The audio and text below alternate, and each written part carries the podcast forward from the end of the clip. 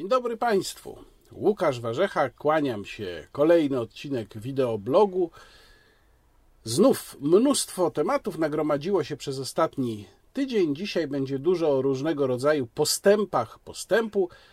Jak zwykle, tradycyjnie dziękuję wszystkim widzom, subskrybentom oraz przede wszystkim wszystkim mecenasom, którzy postanowili regularnie wspierać ten kanał. Proszę się przygotować na długi materiał, ale przypominam tym z Państwa, którzy nie mają tyle czasu, że zawsze można oglądać ten materiał w częściach, a także z pewnym opóźnieniem słuchać poprzez SoundCloud, serwis SoundCloud, gdzie y, te wideoblogi pojawiają się jako podcasty, tak jak powiedziałem, z pewnym opóźnieniem. Zaczniemy od sprawy wyboru Rzecznika Praw Obywatelskich. Jak wiadomo, głosowanie w Sejmie odbędzie się 15 czerwca. No taka przynajmniej jest zapowiedź.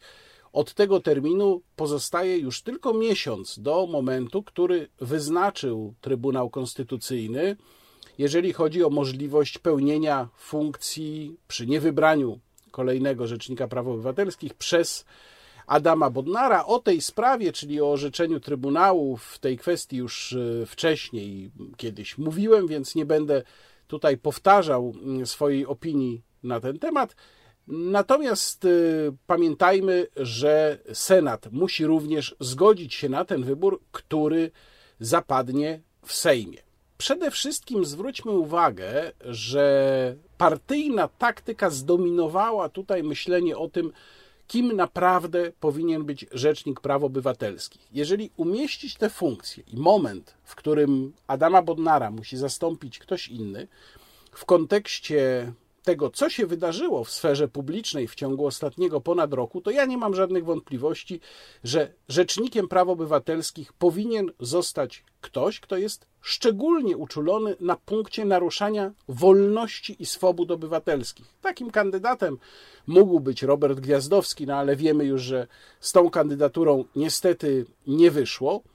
Natomiast ja dlatego jestem sceptycznie nastawiony wobec tych kandydatów. Nie mówię, że to ich całkowicie skreśla, ale jestem sceptycznie nastawiony wobec tych kandydatów, co do praktyki których niewiele wiemy. Jeżeli cofnąć się trochę, jakiś mniej więcej tydzień, no to mielibyśmy kandydaturę pana profesora Marka Konopczyńskiego zaproponowaną przez porozumienie. Wiemy, co tam się potem politycznie stało, to znaczy ta kandydatura nie zyskała poparcia PiS.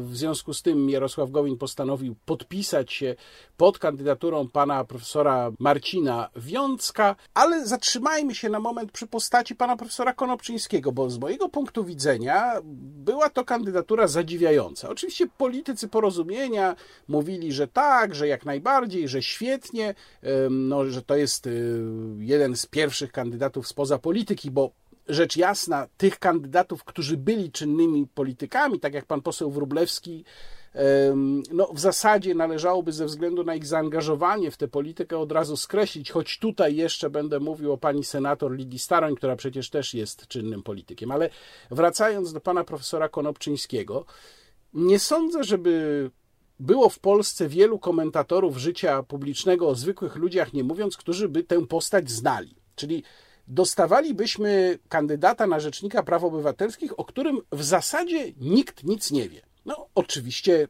wiele osób natychmiast sięgnęło do internetu i zaczęło czytać. No i ja przeczytałem, że pan profesor Konopczyński jest pedagogiem resocjalizacji, tym się przede wszystkim w swoim życiu zawodowym zajmował. I że, jak rozumiem, z tego również powodu miał dobre kontakty policyjne, tam w jakimś policyjnym czasopiśmie pisał.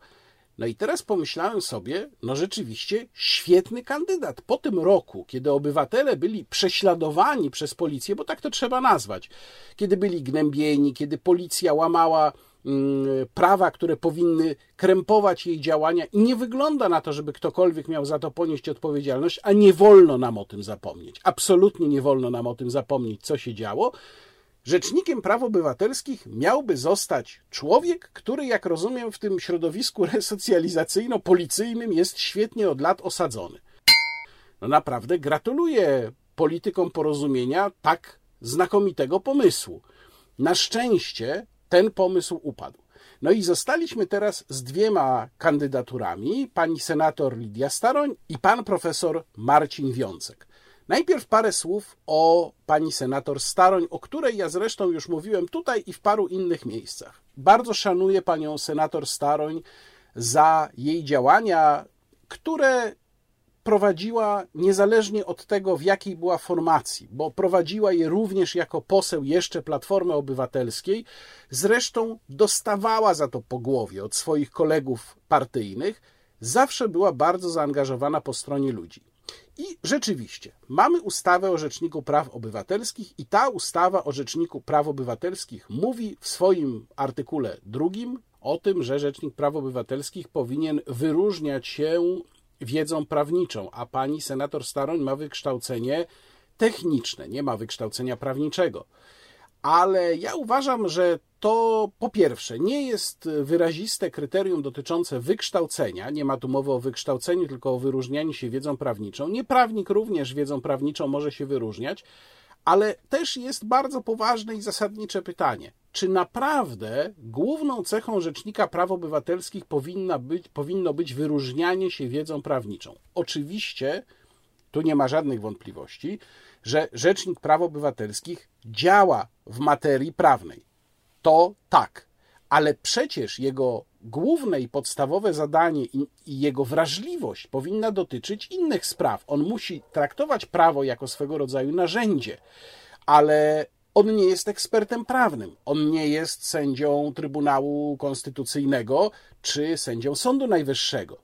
Jego zadaniem jest być wrażliwym na pewne kwestie społeczne i przekładać to ewentualnie na język prawa, a od tego może mieć swoich zastępców. Więc jak to e, powiedział klasyk, nie robiłbym z tego zagadnienia. Oczywiście jest pytanie, jak potraktować to kryterium zawarte w mm, ustawie w przypadku pani senator Staroń. No ale mamy drugiego kandydata, który to kryterium chyba z całą pewnością spełnia, pana e, profesora Marcina Wiącka. I tu taka ciekawostka. No, pan profesor Wiącek, o którym też tak naprawdę niewiele wiadomo. E, nie jest to jakaś szczególnie znana postać. E, czytam tutaj teraz za Wikipedią. Od 2009 roku pracuje jako nauczyciel akademicki na Wydziale Prawa i Administracji Uniwersytetu Warszawskiego. Od 2017 roku jako kierownik Zakładu Praw Człowieka był, e, pracował w Trybunale Konstytucyjnym e, jako pracownik, nie jako sędzia, żeby było jasne, w latach 2003-2007. Od 2007 roku jest zatrudniony w NSA. E, był członkiem Rady Legislacyjnej przy, Radzie, przy prezesie Rady Ministrów w latach 2014-2018 i jeszcze taka ciekawostka, w 2018 roku na prośbę Fundacji Pamięci o Bohaterach Powstania Warszawskiego przygotował projekt ustawy o zapewnieniu godnej pamięci i należytej ochrony miejscom spoczynku bohaterów Powstania Warszawskiego oraz innych osób zasłużonych w walkach o niepodległość i suwerenność państwa polskiego. No ale to też nie jest życiorys osoby, która by aktywnie działała na rzecz na przykład wolności obywatelskich. To jest typowy życiorys naukowca i jest pytanie, jak ten naukowiec no, odnajdzie się w tym świecie praktyki. Jeżeli sięgnę pamięcią do dwóch najbardziej charakterystycznych rzeczników praw obywatelskich, no do jednego pamięcią sięgać nie muszę, bo to jest Adam Bodnar, o nim było wiadomo mniej więcej, jak będzie działał, bo przyszedł z Helsińskiej Fundacji Praw Człowieka, mm, organizacji o lewicowym przechyle, znane były jego poglądy i praktyka jego działania. To samo dotyczyło świętej pamięci Janusza Kochanowskiego, którego poglądy i praktyka działania e, w fundacji Jus et Lex, e, jego zapatrywania między innymi na e, prawo karne były też doskonale znane. Tutaj nie za bardzo coś wiemy, więc szanując dorobek pana profesora, ja bym się chciał dowiedzieć, na przykład, jak pan profesor widzi właśnie kwestie praw obywatelskich w kontekście ostatnich kilkunastu miesięcy. Ale są też pewne przesłanki wskazujące na to, że dla radykałów pan profesor Wiącek może być nie do zaakceptowania, bo Okopres na przykład rozpytywał o pana profesora Wiącka i um, uzyskał taką opinię um, pana profesora Mirosława Wyżykowskiego czy ktokolwiek słyszał jego wypowiedzi w sprawie nielegalnego zatrzymywania demonstrantów? Czy zabierał głos, gdy prowadzona była nagonka na osoby LGBT? No rzeczywiście, wtedy płomiennie pan profesor Wiącek się nie wypowiadał, co już zjednuje pewną moją do niego sympatię.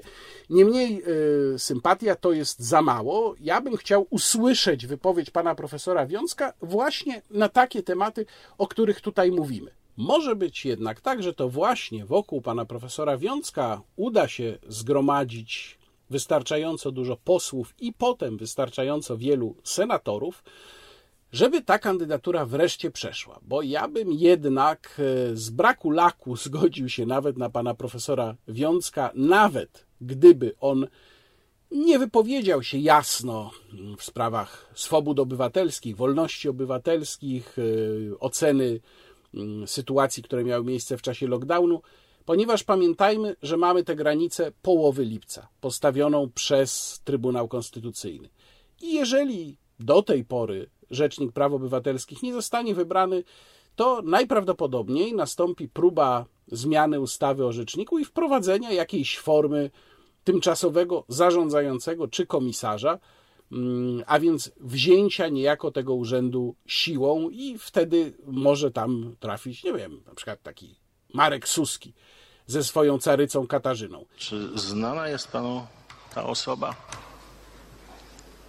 Ale kto? Przepraszam. No ta o pseudonimie Caryca, która tam przez pana miała być prowadzona.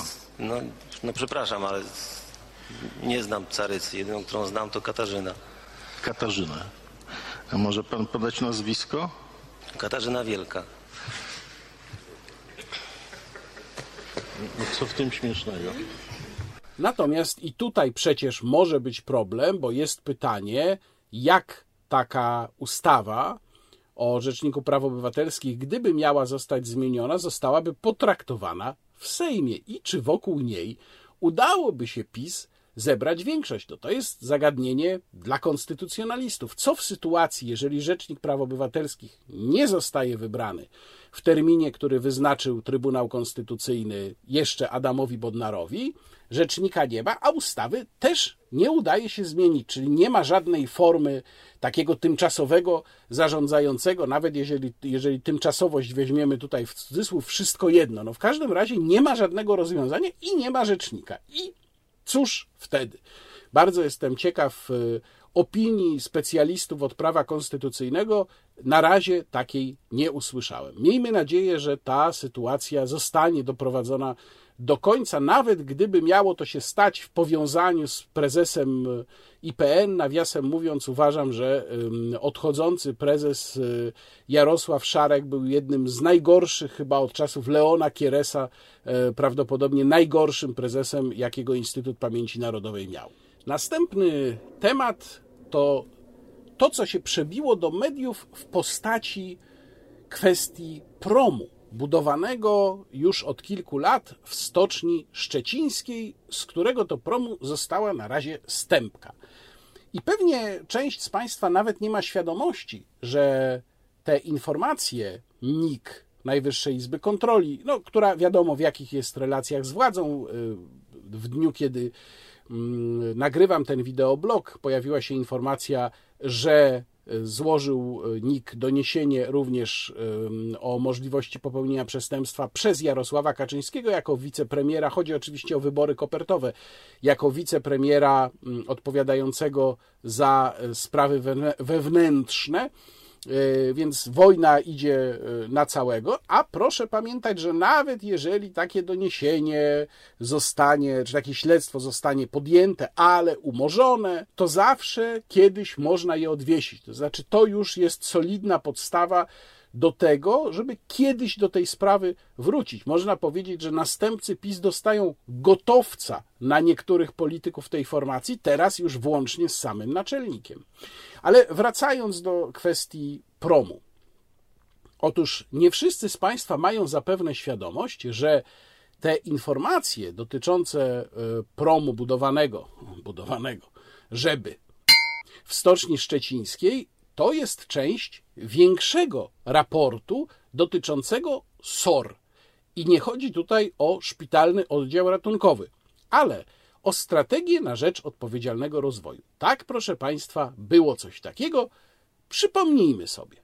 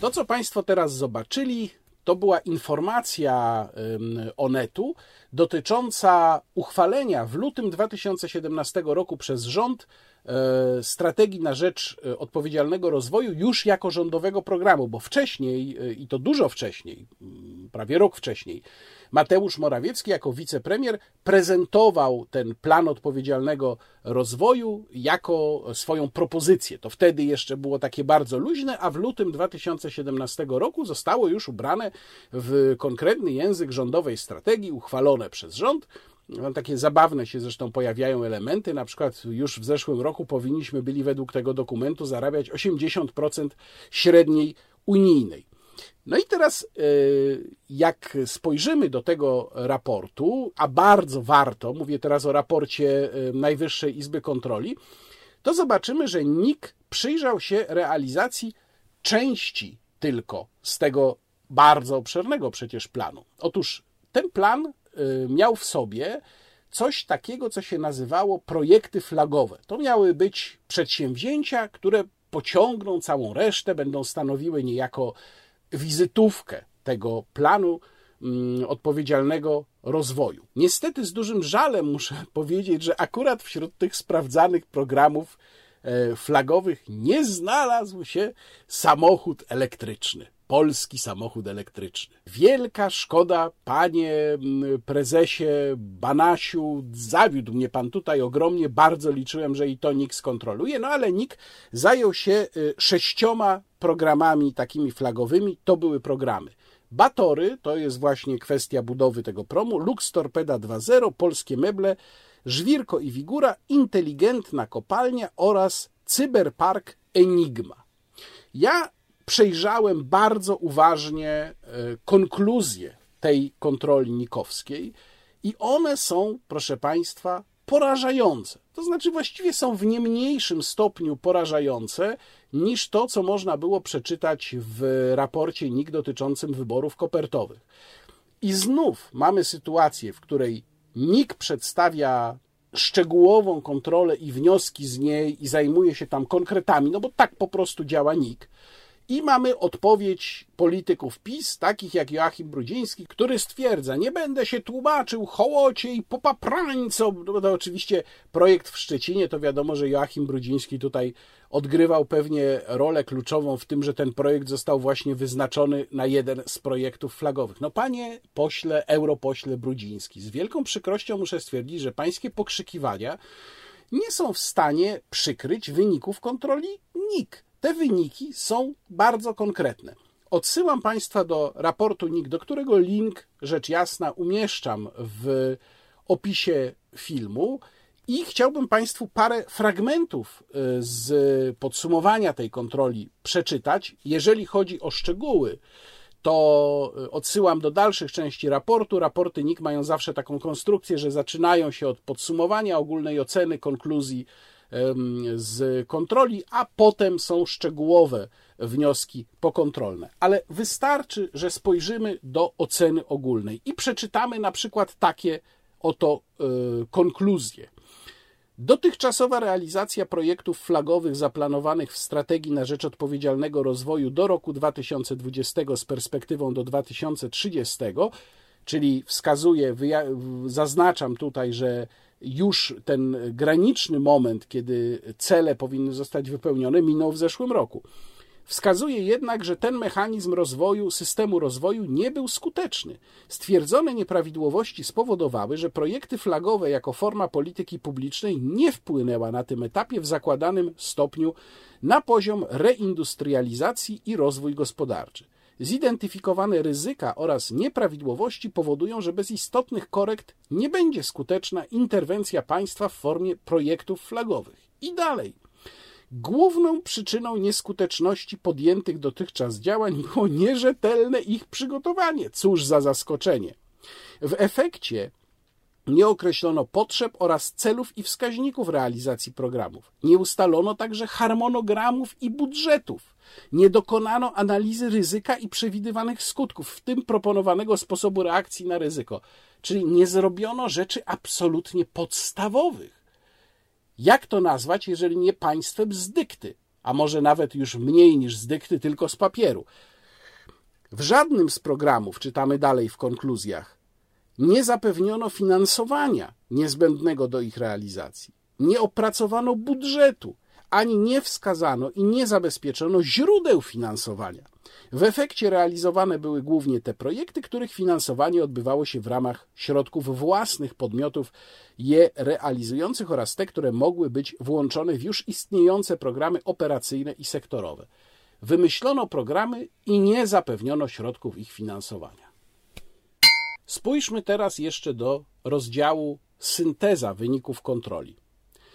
Założone w SOR podejście projektowe do realizacji poszczególnych programów nie zostało w praktyce zastosowane. Spośród sześciu kontrolowanych programów, jedynie w trzech Lux Torpeda 2.0, Polskie Meble oraz Żwirko i Wigura utworzono zespoły zadaniowe i wyznaczono poszczególne role i kompetencje. Jednak nawet w tych trzech programach zarządzanie nimi nie odpowiadało standardom podejścia projektowego.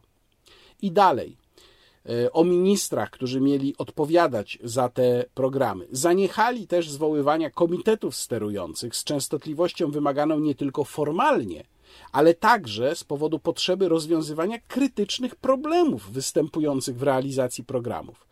W tych trzech pozostałych programach Inteligentnia Kopalnia, Cyberpark, Enigma i Batory nie powołano zespołów zadaniowych i nie została zrealizowana faza definiowania celów a w dwóch spośród nich, inteligentna kopalnia i cyberpark Enigma, w SOR nie wskazano ministra odpowiedzialnego, czyli nawet nie miał kto tych zespołów zwołać, bo nie było formalnie osoby za to odpowiadającej.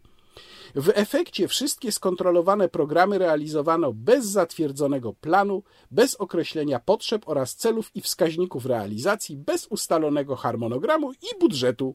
Nie dokonano analizy ryzyka i mechanizmów zapobiegania zagrożeniom w realizacji programów. NIK zaznacza, że pozytywne efekty do tej pory osiągnięto z tych sześciu programów jedynie w programach Polskie Meble oraz Żwirko i Wigura, natomiast y, można zakładać, i tak to wynika z konkluzji kontrolnych, że stało się to niejako nie dzięki istnieniu strategii na rzecz odpowiedzialnego rozwoju, ale właściwie pomimo tej strategii, dzięki temu, że jacyś ludzie gdzieś na dole wzięli sprawy w swoje ręce i je popchnęli. I wreszcie końcówka syntezy wyników kontroli.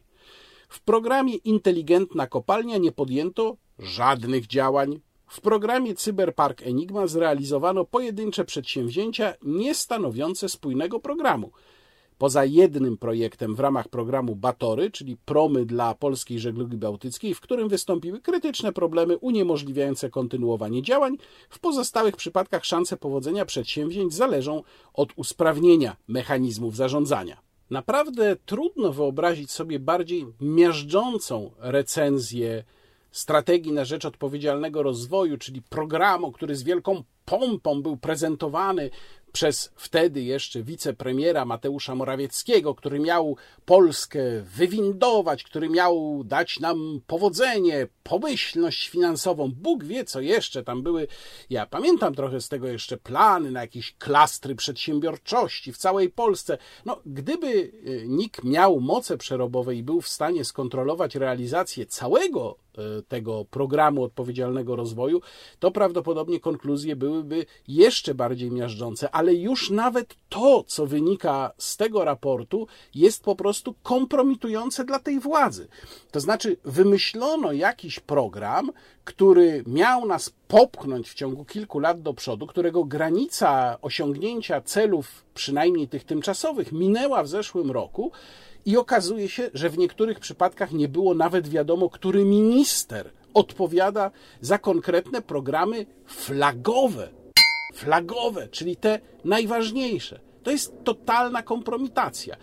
Ale to też prowadzi mnie do konkluzji, że może dokładnie tak samo być z Polskim Ładem. Może się okazać, że udaje się przepchnąć kilka najważniejszych punktów i oby to były te punkty, które są korzystne, czyli na przykład zwiększona kwota wolna od podatku, a cała reszta kończy tak, jak skończył plan odpowiedzialnego rozwoju. Po raz kolejny mogę tylko powiedzieć, mieliśmy wielkie szczęście, że Marian Banaś, cokolwiek by o nim nie myśleć i cokolwiek by o nim nie mówić, poszedł na zwarcie z obecną władzą, bo dzięki temu, dzięki kompetencjom inspektorów Najwyższej Izby Kontroli, dowiadujemy się o pewnych rzeczach, o których nie była w stanie nas w przekonujący i przejrzysty sposób poinformować większość ugrupowań opozycyjnych. Ale niestety tej władzy również czasem coś udaje się doprowadzić do końca i na ogół są to rzeczy kompletnie bezmyślne i głupie. I tak jest właśnie ze zmianami w kodeksie drogowym, które weszły od dzisiaj. Dzisiaj mówię, ponieważ 1 czerwca nagrywam ten y, materiał.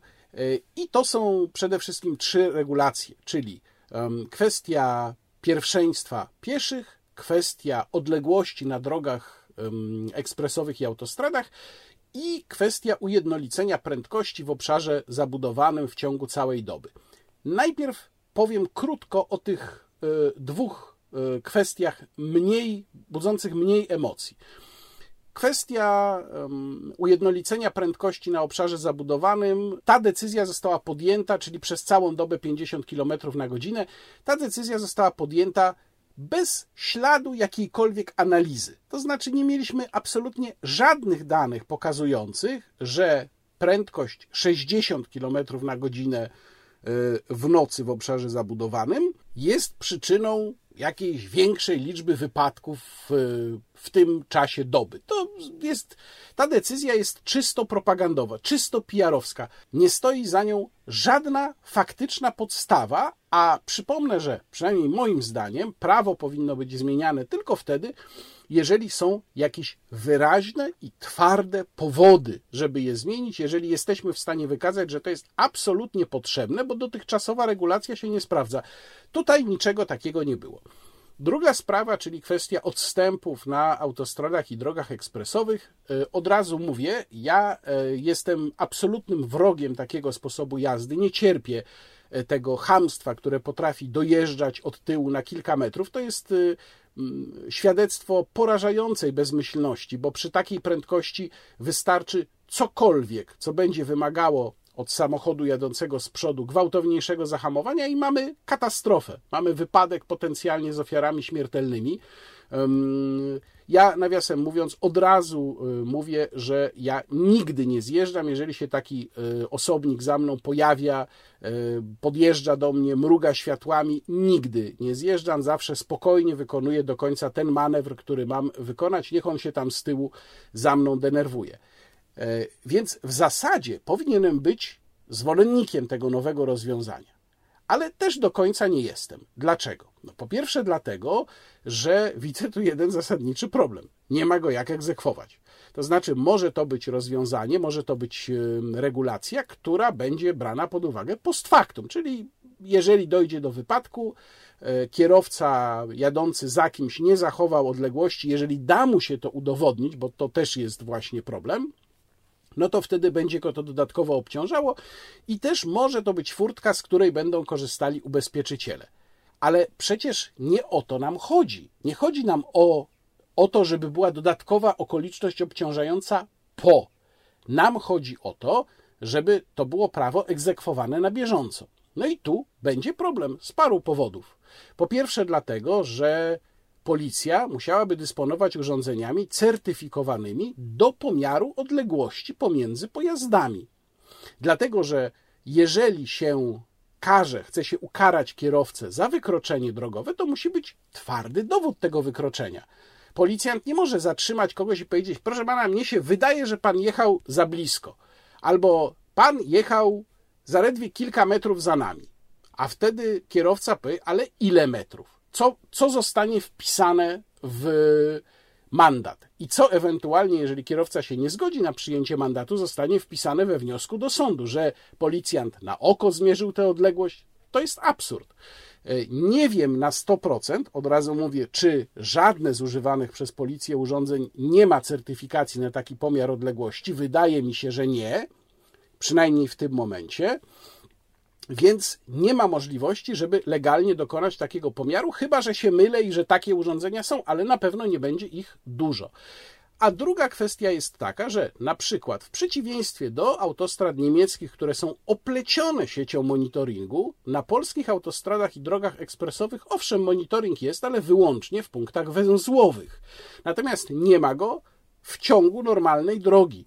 Mało tego, mimo wielu apeli, do których ja się też dołączałem, policja do tej pory nie stworzyła jednostek autostradowych. W związku z czym e, odpowiadam tym z Państwa, którzy nie rozumieją, dlaczego to jest ważne. Autostrady są patrolowane przez jednostki wydziałów ruchu drogowego z poszczególnych komend, czyli to jest pewna odpowiedzialność terytorialna po pierwsze. Nie ma jednostki, która by była w stanie i mogła i miała za zadanie patrolować na przykład cały odcinek autostrady A2 między Warszawą a Łodzią, czy między Warszawą a Poznaniem, bo tam wchodzi w grę odpowiedzialność terytorialna. Po drugie, te jednostki są kierowane tam, nie oszukujmy się, gdzie mogą nastukać mandatów. Jednostka, która patroluje autostradę, nie nastuka mandatów tyle, co radiowóz, który sobie stanie w krzakach i będzie stał i suszył a w dodatku jeszcze wygeneruje koszty, bo przecież to są ogromne pieniądze na paliwo. Dlatego, gdyby powstały specjalne jednostki policji autostradowej, które miałyby własny budżet, własną odpowiedzialność za całe odcinki, długie odcinki dróg typu S i A, to byłaby inna sytuacja. Ale czegoś takiego nie ma i naprawdę zostać złapanym za cokolwiek na autostradzie czy drodze ekspresowej w Polsce, to trzeba mieć już absolutnie wyjątkowego pecha, a jeszcze wyobrazić sobie, że jednostki policji będą jeździć i mierzyć odległość między samochodami, no to jest jakaś fantazja. To po prostu będzie w dużej mierze martwe prawo. No i teraz przechodzę do tego, co jest najważniejsze w tych zmianach, czyli kwestia pierwszeństwa pieszych. Już się spotkałem z tym, i to wielokrotnie, że mowa jest o pierwszeństwie pieszych, natomiast dziennikarze, media nie zaznaczają, o co tu chodzi to nie jest jakieś bezwzględne pierwszeństwo pieszych. Przepisy zmieniły się o tyle, że dotychczas kodeks drogowy mówił o pierwszeństwie pieszego znajdującego się na przejściu. Pojęcie znajdowania się na przejściu chyba jest bezsporne. To jest dosyć łatwo ustalić. Są definicje w kodeksie drogowym, co jest jezdnią, gdzie się zaczyna przejście, gdzie kończy, czyli to jest oczywiste. Teraz jest tak, że pierwszeństwo ma również pieszy wkraczający na przejście, ale już na przykład nie pieszy zbliżający się do przejścia, czego się domagała w swoim radykalizmie drogowym lewica. No tylko powstaje pytanie, a co to znaczy pieszy wkraczający na przejście? W którym momencie zaczyna się wkraczanie na przejście? Definicji nigdzie nie ma. Efekt będzie taki, że jeżeli dojdzie do wypadku, no to sądy będą rozważać, czy ten pieszy wkraczał na przejście, czy nie wkraczał na przejście. Czy kierowca mógł zinterpretować to jako wkraczanie, czy jako niewkraczanie. I tym się będą zajmować sądy, a głównym beneficjentem tej zmiany prawa będą nie piesi, tylko producenci kamerek samochodowych. Nawiasem mówiąc, wszystkim Państwu polecam, kupcie Państwo, jeżeli jeszcze nie macie, ja mam od lat, ponieważ y, może to Państwu uratować tyłek właśnie przed sądem. Ale to prawo, które zostało wprowadzone pod naciskiem różnych hunwejbinów drogowych, mm, jest klasycznym przykładem magicznego myślenia o rzeczywistości. Rzeczywistość zmienia się od samego uchwalenia prawa w cudowny sposób. Bum! I mamy zmianę rzeczywistości. No tak to nie działa. Polska ma problem przede wszystkim nie z prawem, ponieważ wypadki, o których tak dużo się mówi, czyli pieszy na przejściu potrącony przez samochód, one wynikały z nieprzestrzegania prawa już istniejącego. Co zmienia wprowadzenie prawa dalej idącego? Kompletnie nic. Piesi byli potrącani w momencie, kiedy już byli na pasach. Czyli w momencie, kiedy kierowca i tak powinien ich przepuścić, bo oni już byli na pasach. To było złamanie prawa w poprzedniej postaci. Teraz będziemy mieli sytuację, w której kierowca powinien w teorii dostrzec zawsze pieszego wkraczającego na pasy. W Polsce jest ogromny problem z infrastrukturą drogową. W zeszłym roku Generalna Dyrekcja Dróg Krajowych i Autostrad przygotowała raport, audyt przejść drogowych. Ja o tym w swoim wideoblogu dawno, dawno temu mówiłem, ale przypomnę. Proszę Państwa, proszę spojrzeć na tę tabelkę. To są wyniki tego audytu. Link do całości yy, załączam w opisie filmu. GDKiA sprawdziła 628 przejść dla pieszych. Oczywiście to jest jakiś wycinek tylko, bo tu nie chodziło przecież o to, żeby sprawdzić wszystkie. Spośród tych 628, jak Państwo widzą, jedynie 11 było bez zastrzeżeń. Ja podliczyłem sobie, w ilu przypadkach były zastrzeżenia co do widoczności, czyli widoczności kierowca pieszy, pieszy kierowca. 320 przypadków. 320 przypadków, czyli ponad połowa audytowanych przejść. Oczywiście w niektórych wypadkach te zastrzeżenia się nakładają, bo jak Państwo widzieli w tej tabelce, one miały różną y, naturę, więc jest tak, że w przypadku jednego przejścia mogą być zastrzeżenia trzech rodzajów. Niemniej w 320 przypadkach, czy może raczej 320 razy stwierdzono różnego rodzaju utrudnienia widoczności. Czyli władza, gdyby chciała poprawić sytuację na przejściach dla pieszych, to by zaczęła od gruntownej przebudowy i przejrzenia całej infrastruktury drogowej pod tym kątem. Ale to jest czasochłonne, to jest trudne, to wymaga pieniędzy. A po co? Lepiej uchwalić ustawę, potem wyjdzie pan premier tak jak zrobił, powiedzieć tam, no my tu dbamy o pieszych, prawda, uczestników ruchu drogowego najsłabszych, tak, tak, a w ogóle rowerki, rowerki proszę państwa. No tak powiedział Mateusz Morawiecki 1 czerwca. Rowerzystów jest coraz więcej i to bardzo dobrze, bo to i zdrowo, i czasami szybciej. I naprawdę oni niech będą w tym ruchu drogowym kluczowi, niech będą najważniejsi. Ale jest jeszcze jedna kwestia, która jest y, specyficzna dla Polski. To są przejścia dla pieszych poza obszarem zabudowanym, na drogach, które mają generalną dopuszczalną prędkość 90 km na godzinę, no czasem nawet 100 E, przed przejściem dla pieszych czasem to jest ograniczone do 70 km na godzinę, powinno być. I tu podam Państwu bardzo konkretny przykład. To, co Państwo teraz widzą, to jest droga krajowa numer 92, widziana w Google Maps. I tu Państwo widzą przejścia dla pieszych poza obszarem zabudowanym na tej drodze. Oczywiście tylko kilka, bo tam ich jest dużo więcej. Ja jechałem tą drogą numer 92, drogą krajową, jakieś półtora może roku temu. Jechałem y, późnym wieczorem, to była jakaś pora roku, chyba już jesienna. Padał deszcz. I teraz proszę mi powiedzieć, jak ja, jadąc w takich warunkach taką drogą, miałbym zachować się zgodnie z obecnie uchwalonym przepisem. Przecież, żeby mieć pewność, że żaden pieszy nie wkracza na przejście, to musiałbym w zasadzie w takich warunkach, a część z tych przejść jeszcze była nieoświetlona, musiałbym w zasadzie zatrzymać się przed każdym przejściem, które tam dzieli czasem nawet tylko kilkaset metrów. E, ryzykując to, że ktoś wjedzie mi w tył, bo przecież zatrzymanie się z 70 km na godzinę na drodze krajowej do zera nagle, bez żadnego wyraźnego powodu, bo kierowca z tyłu nie widzi, że tam jest przejście, no, e, jest bardzo ryzykowne. Ja bym chciał się dowiedzieć, jak pan minister Adamczyk, który tak zachwalał te nowe regulacje, albo ci wszyscy aktywiści antysamochodowi, którzy je tak zachwalają, jak zachowaliby się w takich okolicznościach, czyli ciemno, E, do tego dorzućmy jeszcze deszcz i ta konkretna droga krajowa 92, która jest reprezentatywna dla sytuacji w Polsce. Bo takich dróg jak DK92 jest w Polsce bardzo dużo. To pokazuje, że te przepisy są totalnie odklejone od rzeczywistości. One po prostu postanowiły ją zignorować, czy ustawodawca postanowił ją zignorować. Fakty się nie zgadzają, tym gorzej dla faktów.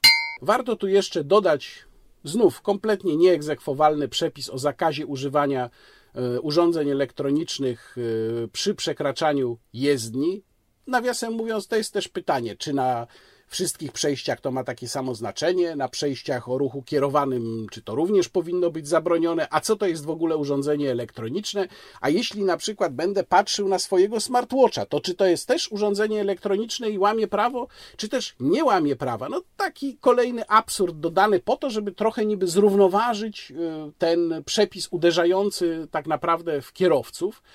Mm, I kwestia ubezpieczycieli. Bardzo ważna sprawa, na którą zwracał już uwagę rzecznik finansowy, czyli że te przepisy otwierają kolejne furtki dla ubezpieczycieli, żeby nie wypłacać odszkodowań lub zmniejszać odszkodowania. To jest kolejny skutek tego absurdu, na który ustawodawca, po prostu rząd, nie zwrócił uwagi, bo go to nie interesuje a poziom analizy skutków e, wdrażanego prawa pokazuje chociażby raport NIK, o którym wcześniej mówiłem. No tak się Polskę buduje zarządów Prawa i Sprawiedliwości. Pozwolą Państwo teraz, że zacznę duży tym razem dział kulturalny i zacznę ten dział kulturalny od tak zwanej G burzy, po angielsku shitstorm, który wywołał mój tweet, czy seria moich tweetów z Muzeum MS2 w Łodzi. To jest muzeum w manufakturze, czyli dawnej fabryce Izraela Poznańskiego. W jednym z budynków znalazło się właśnie Muzeum Sztuki Nowoczesnej. Poszedłem do tego muzeum, bo tu Państwo pytali, niektórzy z Państwa, po co ja tam poszedłem. Poszedłem po to, żeby po pierwsze przypomnieć sobie, co jest prawdziwą sztuką, a co nie jest prawdziwą sztuką o tym za chwilę będę mówił, a także, żeby zobaczyć, co tam z naszych pieniędzy się utrzymuje. No i niestety większość eksponatów miała w informacjach, że zostały zakupione ze środków e, Ministerstwa Kultury i Dziedzictwa Narodowego, bo to wtedy jeszcze taka była nazwa, nie zmieniono tych plakietek, kiedy ministerstwo zmieniło nazwę i dopisało sobie tam sport. W każdym razie przy wejściu, pierwsze piętro, przywitała mnie taka oto instalacja. Tę instalację skomentowałem tweetem następującym, co się za nasze pieniądze kupuje. I tu nastąpiło oburzenie wielu wielbicieli sztuki nowoczesnej, którzy pisali do mnie, czy pan nie rozumie, że to Kazimierz Malewicz, wspaniały abstrakcjonista. No, Kazimierz Malewicz 1879-1935 był nie tylko wspaniałym abstrakcjonistą, ale był też komunistą i to zagorzałym komunistą, który um, upatrywał początku nowej sztuki w zwycięstwie rewolucji bolszewickiej. Inna sprawa, że był też przez kilka miesięcy więziony w 1930 roku przez NKWD, no ale to często się zdarzało ideowym komunistom, którzy w pewnym momencie byli e, uznawani e, za szpiegów. Przecież taki sam los spotkał chociażby innego artystę, Bruno Najasińskiego, tylko ten miał e, mniej szczęścia. Jak pokazują najnowsze badania, nie został, tak jak myślał Jacek Kaczmarski, pisząc o Brunonie Jasińskim piosenkę, nie został wywieziony gdzieś na Syberię, ale został po prostu najprawdopodobniej zabity jeszcze w Moskwie. E, no ale to Bruno Jasiński, zostawiamy to e, na boku. Natomiast jeżeli chodzi o Malewicza, to mało kto z tych oburzonych zwrócił uwagę na etykietkę która, e, którą ja pokazałem, a która wisiała przy dziele tak zwanego Malewicza. Otóż, proszę Państwa, Nie jest to dzieło Malewicza. No niestety bardzo mi przykro. To jest dzieło jakiegoś innego tak zwanego artysty, który się przedstawia jako Kazimierz Malewicz, który to stworzył zupełnie współcześnie i stworzył to tylko po to, żeby pokazać, że ha, oryginał nie ma znaczenia, że kopia ma takie samo znaczenie jak oryginał. No rzeczywiście w przypadku takich bohomazów może mieć znaczenie dokładnie takie samo. Ale jak przejdziemy się po tym muzeum i zobaczymy, jakie tam są dzieła, o tu na przykład wybitne trzy szpule e, z nawiniętą niebieską żyłką. E, tutaj macie Państwo ciekawostkę. To jest wybitne dzieło, czyli kawałek szmaty z napisem, jak rozumiem po serbsko-chorwacku, rad je bolest, czyli cytatem z Karola Marksa, że praca to choroba. To jest, nawiasem mówiąc, coś dla Jasia K zdaje się.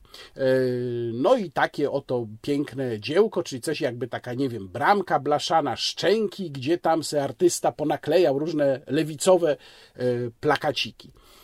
To jest e, w przeciwieństwie do jeszcze na przykład Władysława Strzemińskiego albo do impresjonistów. To jest sztuka konceptualna, tak zwana. Cóż to jest sztuka konceptualna?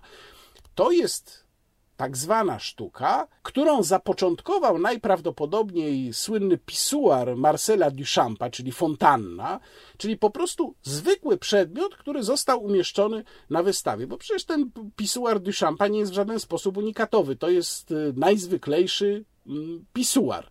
E, potem mieliśmy różne emanacje tego. E, no moja ulubiona to jest Piera Manconiego, 1961 rok, Merda d'Artista, czyli G artysty, czyli Manconi zapuszkował swoje odchody w puszce i powiedział, to są moje odchody, które ja uznaję za sztukę, więc to jest sztuka.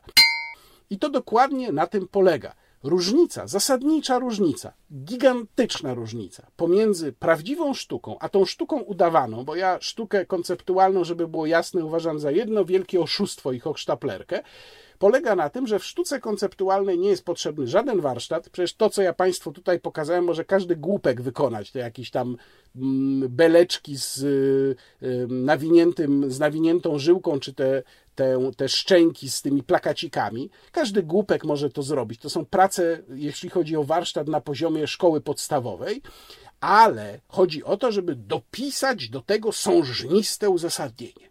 I to sążniste uzasadnienie powoduje, że to coś staje się sztuką. No i jeszcze, jak tłumaczyła Tracy Emin, autorka słynnego Mojego łóżka, za chwilę jeszcze do tego przejdę, w jednym z wywiadów telewizyjnych, który został zacytowany w filmie Why Beauty Matters z narracją Rogera Scrutona, jeżeli coś jest w galerii, no to przecież jest sztuką, prawda? Bo jest w galerii. No jeżeli tak będziemy rozumieć sztukę, to e, rzeczywiście możemy właściwie zrobić sztuką kompletnie wszystko. Ja miałem, nawiasem mówiąc, w tym muzeum taką przygodę. No, na szczęście tylko częściowo, to znaczy nie doszło do, że tak powiem, sfinalizowania tej sprawy, że chodząc tam pomiędzy tymi nowoczesnymi dziełami, zobaczyłem manekina takiego człowieka w czarnym garniturze, bo tam trochę tego typu rzeźb w formie manekinów też było i już zmierzałem szybkim krokiem, żeby się przyjrzeć, o co tam chodzi, kiedy się zorientowałem, że to jest akurat strażnik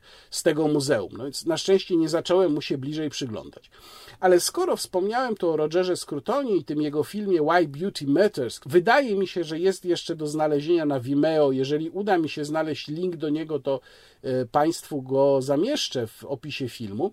Natomiast e, część wątków, które w filmie Why Beauty Matters zostały przez Rogera Scrutona świętej pamięci poruszone, zostały również poruszone w eseju, jednym z esejów, który znalazł się w wydanej przez Fundację Incanto książce, wydanej w zeszłym roku, książce Muzyka jest ważna. To jest właśnie ta książka i ja pozwolę sobie przeczytać Państwu, co pisze Roger Scruton w tej książce na temat dwóch dzieł, w jednym przypadku trzeba to wziąć w cudzysłów, przedstawiających łóżko, a mianowicie to jest e, to słynne łóżko Tracy Emin, 2 e, miliony funtów, sprzedane za 2 miliony funtów mm, i łóżko Eugène'a de la Croix, dokładnie chodzi tutaj o obraz e, Un lit de fait, czyli łóżko niepościelone. I Scruton pisze tak. Łóżko Tracy Emin przedstawia siebie, ale oczywiście tylko i wyłącznie siebie. Ono po prostu jest. Łóżko Delacroix przedstawia coś więcej niż siebie. Jest życiem przetłumaczonym na język tkaniny, uwiecznieniem w odmiennej formie duchowego zmagania, które znamy z innych obrazów Delacroix i z jego życia. Jest to zmaganie z tkaniną, z rzeczywistością, przedstawienie płynności tego świata i próba narzucenia mu znaczącej formy ludzkiej, czy też wręcz świadectwo duchowego życia, jakie przypisujemy przedmiotom, z którymi mamy kontakt. Poprzez kształt pościeli Delacroix próbował oddać pewien rodzaj harmonii, porządku, nawet odkupienia. Szuka w niej duchowego śladu, który byłby, którym byłby jakiś sens wykraczający poza teraźniejszą chwilę.